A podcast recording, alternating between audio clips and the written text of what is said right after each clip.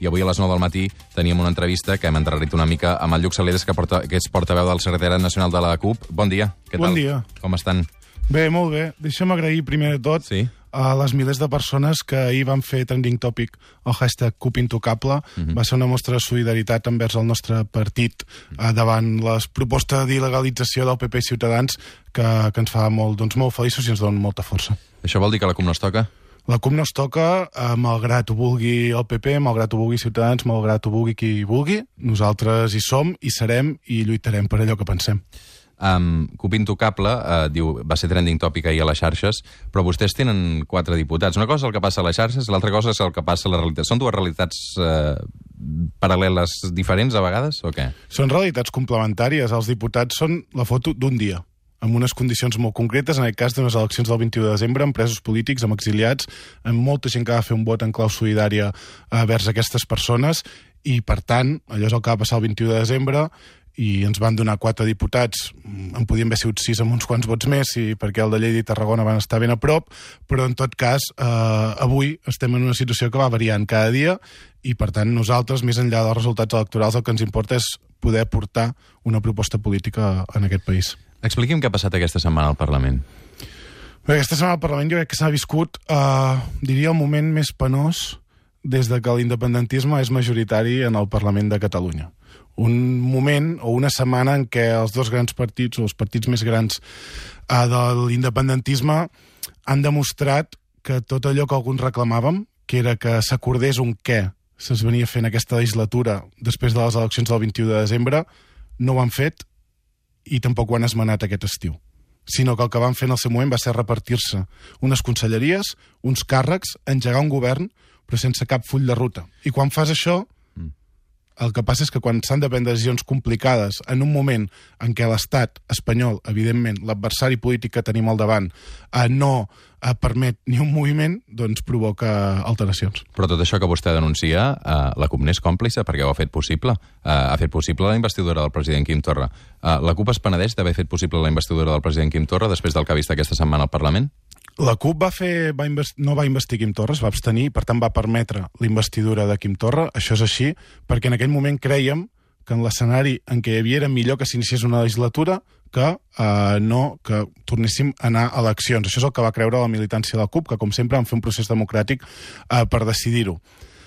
Sí que és cert que 4 o 5 mesos després nosaltres no hi veiem gaire futur en aquesta legislatura. Aquesta legislatura sembla eh, tocada de mort, sembla una legislatura que realment no està produint eh, cap fet cap fet interessant, no ja per aquest debat polític en general eh, del que passa al Parlament, sinó per solucionar les condicions materials de vida de la gent del nostre país. No hi estan havent unes lleis atrevides en qüestions socials com l'habitatge, l'aigua, la llum, eh, això no hi està sent, i tampoc hi ha una proposta clara de com exercir l'autodeterminació del nostre poble. Per tant, eh, si no hi ha proposta política, i a més el govern i els dos partits, en aquest Junts per Catalunya i Esquerra Republicana, no té intenció d'entendre's o per molta intenció que tingui, els fets diuen que no s'entenen, eh, ens hem de preguntar realment si aquesta legislatura té sentit que tingui molt de recorregut. Vostè es creu el president i el vicepresident quan diuen que aniran junts fins que arribin les sentències, almenys? Jo em crec que... El sigui titular del periòdic era de junts fins la sentència. Jo crec que, que aquesta deu ser la seva intenció, si així l'expressen, no? Una altra qüestió és que ells han vingut dient això des del primer dia i els fets, cada dia que hi ha hagut un moment important, no, no s'ado- no s'adequen a allò que havien dit que volien fer.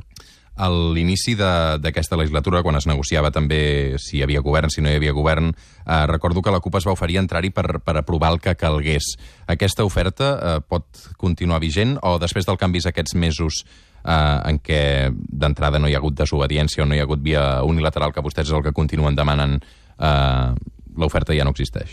Nosaltres vam proposar entrar a la mesa perquè dèiem que si ells eh, no s'atrevien a fer possible que es votés Carles Puigdemont com a candidat de president, que era el candidat que havia guanyat o l'únic que podia aconseguir els suports eh, parlamentari, nosaltres sí que ho faríem i que permetríem aquest debat encara que tingués conseqüències vers els nostres diputats. Això ho vam dir des del primer dia, però quan van fer aquesta proposta Junts per Catalunya i Esquerra Republicana, tots dos, tant Junts per Catalunya i Esquerra Republicana, això no va d'uns més o menys, tots dos ens van dir que no, que no acceptaven aquesta proposta i que ells volien mantenir-se en la mesa i el que hem vist no, és que mesos després el que fem és dia rere dia acceptar a tot el que diu Llarena i la justícia espanyola. I la nostra pregunta al final és, ho acceptarem, ho anirem acceptant tot? Fins quan? Per tant, el camí m'està dient que és imputar més gent, eh, que més gent vagi a la presó. El camí és marcar clarament com exercim aquesta autodeterminació i fem que el Parlament sigui sobirà. Això pot implicar, sí, crec que ens ha caigut la careta després d'aquests mesos a molta gent i pot implicar que més gent sigui represaliada. Però nosaltres creiem que amb una via que combini el que és la lluita de carrer, la mobilització massiva, que ja la van practicar la tardor passada i que hi ha hagut altres casos també aquest any, amb una via clara, eh, diguéssim, al Parlament que acabi perquè hi ha d'haver més uns d'octubres, doncs per què no amb una altra votació d'algun tipus, doncs ha de permetre poder tirar endavant aquest país i la llibertat d'aquest poble. Però vostè creu que hi ha la majoria social per tirar endavant aquesta via unilateral? El que està clar és que hi ha una, via, hi ha una majoria social per l'autodeterminació en aquest país. No ho diuen només les enquestes, sinó que també ho diuen els resultats electorals cada vegada que s'ha fet unes eleccions. I, per tant, hi ha una majoria social que vol que aquest país pugui decidir tot allò que passa en aquest país. I hi ha un estat espanyol que és un estat demofòbic que no ho permet. Que, més, es dedica a sortir, per exemple, aquesta setmana a la portaveu del Consell de Ministres, ha sortit a dir que no, que no hi va haver-hi violència l'1 d'octubre, que les imatges són falses. Però de què va aquesta senyora? En ella segur que no li ha picat mai una porra. Però moltíssima gent d'aquest país va sortir i es va trencar la cara perquè la gent pogués votar. Trencar la cara literalment. I la ministra del PSOE diu que això no passa. Però és que són mentiders compulsius. Ells faran el que faci falta per evitar que, hi pugui, que puguem exercir un dret col·lectiu, un dret polític, un dret humà com és l'autodeterminació. Mm -hmm. A vostè li agrada eh, veure imatges dels Mossos d'Esquadra pintats de coloraines, com vam veure la setmana passada? A mi el que m'agrada és que la gent s'organitzi i es manifesti en els carrers per reclamar allò que vol. De manera aquests pacífica o no? Aquests dies, per exemple, als Estats Units hi ha hagut milers de dones que s'han manifestat i fins i tot han entrat dins el Senat dels Estats Units per protestar contra la designació d'un jutge al Tribunal mm -hmm. Suprem dels Estats Units. Això ha passat. I Brett Kavanaugh, sí. Mm. Ha passat aquesta setmana. I han entrat fins a dins del Senat. I a mi em sembla que la resposta, diguéssim, de la, que hi ha en general sobre aquests fets no és ni molt menys la que aquí hi ha quan algú es manifesta un dissabte al matí intentant, recordem-ho, intentant impedir que el feixisme només cal escoltar el que deien els portaveus de Jussapol i els portaveus de Vox aquell dia, diguin autèntiques barbaritats que ataquen els drets humans. Però no creu que els Mossos van fer bé la seva feina d'intentar que les dues manifestacions es trobessin perquè això hagués pogut acabar com el Rosari de l'Aurora, si no? Aquí el que hauria de fer la Conselleria d'Interior és prohibir la manifestació feixista. A partir de que no fa això, comencen tots els problemes. I llavors el que fan els Mossos... Però el dret a la manifestació existeix? Sí, bueno, però hi existe... o sigui, la gent pot anar eh, fent manifestacions feixistes i insultant, diguéssim, per condicions de naixement, d'origen, de sexualitat. Això és una qüestió que hem d'anar normalitzant els carrers. Nosaltres pensem que no, que som un país que hem tingut, a més, sempre eh, un sentiment profundament antifeixista que volem mantenir. I, a més, hi ha una altra reflexió. No sabem què passa, que sempre que actuen els Mossos, actuen contra uns. En aquest cas, els antifeixistes. Va passar dissabte a, a, a la Via Laetana i posteriorment va tornar a passar mitja setmana aquí al barri de Sarrià, al costat de, de Catalunya Ràdio. Sempre rebem els mateixos. I per això nosaltres el que demanem al conseller Miquel Buch és que dimiteixi. Ja ho ha dit que no ho farà. Ja ha dit que no ho farà. Bé, nosaltres no ens en cansarem de dir-ho, perquè a més no ha explicat encara per què van carregar els Mossos el dissabte. Dilluns també hi va haver càrrega just davant de, de la porta del, del Parlament, un grup va intentar entrar dins. Uh, es va equivocar aquest grup intentant entrar dins del Parlament? Jo no sé si, va real, si realment volien entrar o no volien entrar o estaven volien arribar fins a la porta, això mm, és una qüestió, és una interpretació que s'ha fet. Torno a dir que la gent té tot el dret a manifestar-se i a protestar i a més davant d'una situació com l'actual, que és una situació de paràlisi política, que de l'1 d'octubre l'any passat i del 3 d'octubre a la situació actual eh, podríem dir que el que hem fet és anar fent passos enrere i això fa que la gent, evidentment, doncs, tingui una certa frustració i que la vulgui expressar en els carrers. I en aquest cas, els Mossos van treure el seu cordó que hi havia i es van retirar ells i van permetre que la gent arribés fins a la porta del Parlament. Llavors entenc que si els Mossos consideraven que era dient que arribessin a la porta del Parlament, doncs és una acció que, que es podia fer. Mm -hmm. La CUP creu que els Mossos ara mateix actuen com una policia política? Nosaltres sempre hem pensat que en els cossos policials, eh, diguéssim, de l'Estat i també en els Mossos hi ha una eh, perspectiva política que ens preocupa. És a dir, hi ha fitxers policials polítics. Els Mossos tenen fitxers policials de persones dels moviments d'esquerres, anticapitalistes, pel socialisme, independentistes, tenen fitxes polítics assenyalant aquesta persona està organitzada políticament. I saben qui és. I existeixen aquests fitxers. I això ens preocupa, clar. Nosaltres no volem que això existeixi. La gent ha de poder organitzar-se políticament sense que els Mossos els hi fagin diguéssim, un seguiment, i més quan estem parlant d'organitzacions que el que defensen són, doncs això, eh, les millores de les condicions socials, eh, per exemple, activistes de la PA, activistes dels moviments socials, com pot ser que estiguem amb aquest grau de paranoia i que, més, torno a dir, sempre eh, cap a un costat, perquè eh, com és que l'agressor de Jordi Borràs, que li va clavar un cop de puny al nas, encara no ha estat detingut? Per què? Perquè és un policia nacional. Uh, jo insisteixo, eh? Uh, vostès es van abstenir, vull dir, uh, també hi ha una part de responsabilitat seva que, que Miquel Buch sigui conseller d'Interior, en aquest cas, vull dir, no, no els agrada, però, però van fer possible que... El... La responsabilitat nostra, en tot cas, és permetre que Quim Torra fos president. Se'n penedeixen? Ja l'he dit abans. Nosaltres, en aquell moment, vam valorar que era el millor que podia passar mm -hmm. per aquest país. Una abstenció. Ara, qui decideix els consellers no és la CUP. Nosaltres no som responsables de qui són consellers i qui no. I qui és responsable, en tot cas, de que el Miquel Buch continuï sent conseller és Miquel Buch i Quim Torra. Què fa la CUP des de l'oposició actualment? Doncs nosaltres el que estem intentant és, d'una banda, mm, plantejar una sortida política amb propostes concretes al Parlament, i ho vam intentar aquesta setmana al debat de política general, per exercir l'autodeterminació i, sobretot, plantejar, que per nosaltres és molt important, a tot un seguit de propostes que sempre hem dit els decrets de la dignitat, que són propostes concretes que van a intentar solucionar problemes materials de la gent, l'habitatge, l'aigua, la llum, o que, per exemple, no ens destrossin la Costa Brava. Uh, permetem que em parli, perquè jo sóc d'allà uh, al costat, i no pot ser que el govern de la Generalitat, uh, que parla de sobirania i de defensa del medi ambient, permeti l'especulació que hi està havent ara mateix a la Costa Brava en gairebé tots els seus municipis en plans urbanístics. S'ha d'aturar immediatament. I per tant nosaltres el que estem fent són propostes en les dues línies, en la línia nacional per intentar doncs, que no fem un pas enrere, sinó que en fem dos endavant, i per l'altra que a nivell social doncs, hi hagi un canvi de polítiques, perquè el que és evident és que si volem plantejar una nova república catalana no la podem plantejar en les mateixes condicions que estem ara mateix dins del règim del 78. Des del punt de vista de la CUP, hi ha diferències amb el que passa al Parlament, eh, en aquest cas amb les actuacions parlamentàries de Junts per Catalunya i Esquerra, o és més amb el relat de tot plegat?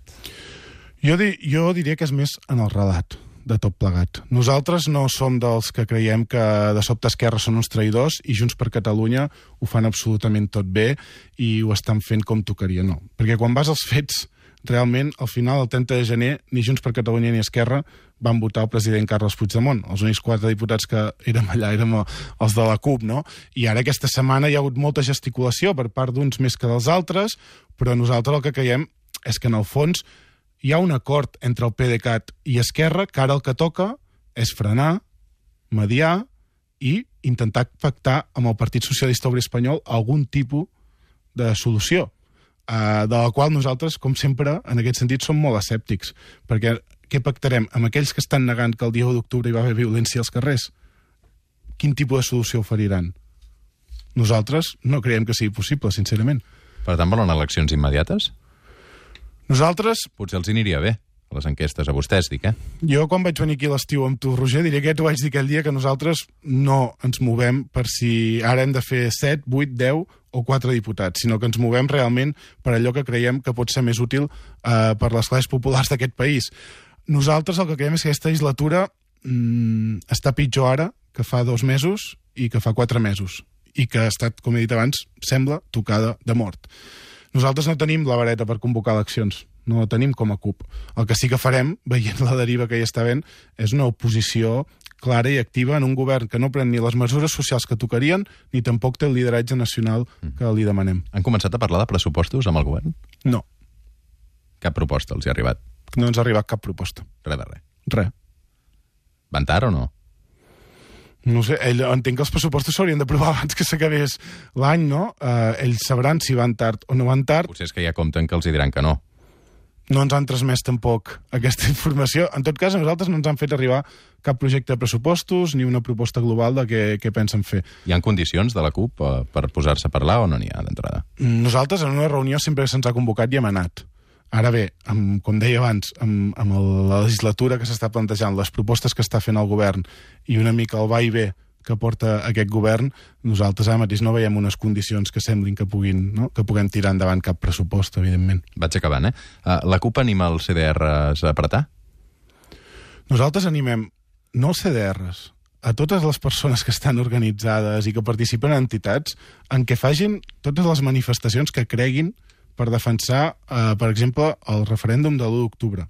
I sobretot que ens organitzem perquè ara venen uns judicis que són uns judicis polítics a l'autodeterminació d'aquest poble i cal que ens trobin, diguéssim, ben treballats i ben entrenats, perquè caldrà mobilitzacions i caldrà que hi siguem. Quina ha de ser la resposta a les sentències d'aquests judicis? Bé, nosaltres el que creiem és que ha d'haver-hi més determinació a partir de les sentències. I això implica doncs, que tornem a recuperar una mobilització als carrers. Hem de poder parar aquest país una altra vegada si les sentències són condemnatòries i, per tant, injustes. Hem de poder parar aquest país i hem de garantir que el Parlament i el govern liderarà una resposta política que només pot ser l'exercici d'autodeterminació. Per tant, són mobilitzacions al carrer, no una convocatòria electoral. És a dir, ha de començar al carrer un cop la sentència. La... Ha d'haver mobilitzacions al carrer i llavors, uh -huh. ho he dit també, un Parlament, un govern i uns ajuntaments i uns ajuntaments que treballin fermament per exercir l'autodeterminació, és a dir, que puguem decidir tot allò que vulguem en aquest país perquè també són importants els ajuntaments. No és el mateix tenir un únic focus de contrapoder, en el cas que fos el Parlament de Catalunya, si en podem tenir 900. Uh, per tant, entenc que a les properes municipals la CUP es presentarà tot el territori? La CUP... Uh... Pràcticament tot el territori. Sempre vostès han reivindicat molt el municipalisme, no? Nosaltres estem una de les coses bones de la CUP, jo crec, si se'm permet, encara que parli de, de casa meu, és que nosaltres fem, practiquem allò que en diem que anem, anem lents perquè anem lluny. I llavors les assemblees locals de la CUP, fins que no porten un treball i no veiem, diguéssim, que és una assemblea forta, potent, que pot fer una feina municipal, no pot entrar dins l'organització i no pot presentar-se a les eleccions. Nosaltres no anem, com per exemple fa Ciutadans, a buscar candidats a l'estat francès o a l'estat espanyol o a qualsevol altre lloc. Nosaltres busquem gent eh, arrelada al territori. Tenen candidat per Barcelona ja? No. Com es decidirà? Pues la gent de la CUP de Barcelona està en un procés intern de debat assembleari. Sona molt Eulàlia Reguant és la CUP de Barcelona qui haurà de decidir qui, qui és el candidat o la candidata. Lluc Salelles, portaveu del secretari nacional de la CUP. Moltes, moltes gràcies per haver vingut avui al suplement. Uh, disculpa'm pel, pel retard, perquè havíem pactat això a les 9 del matí, però evidentment l'actualitat ha passat per una altra banda. Digue'm, digue'm. No, no, cap problema. Gràcies a tu i deixa'm enviar sí. uh, molta força uh, a la colla de Marrecs de Sal, que demà fan l'actuació castellera per primera vegada en diumenge, sé que hi seràs. Hi serem, hi serem. I... Des de les 10 del matí fins a les 4 de la tarda. jo, com... jo, jo no em puc mullar, eh? No. Bueno, anirem, als, és... anirem als castellers de Sabadell, però no em puc mullar. Val. I jo, com que és la meva colla, doncs, eh, que tinguin molta força i que els hi vagi molt bé.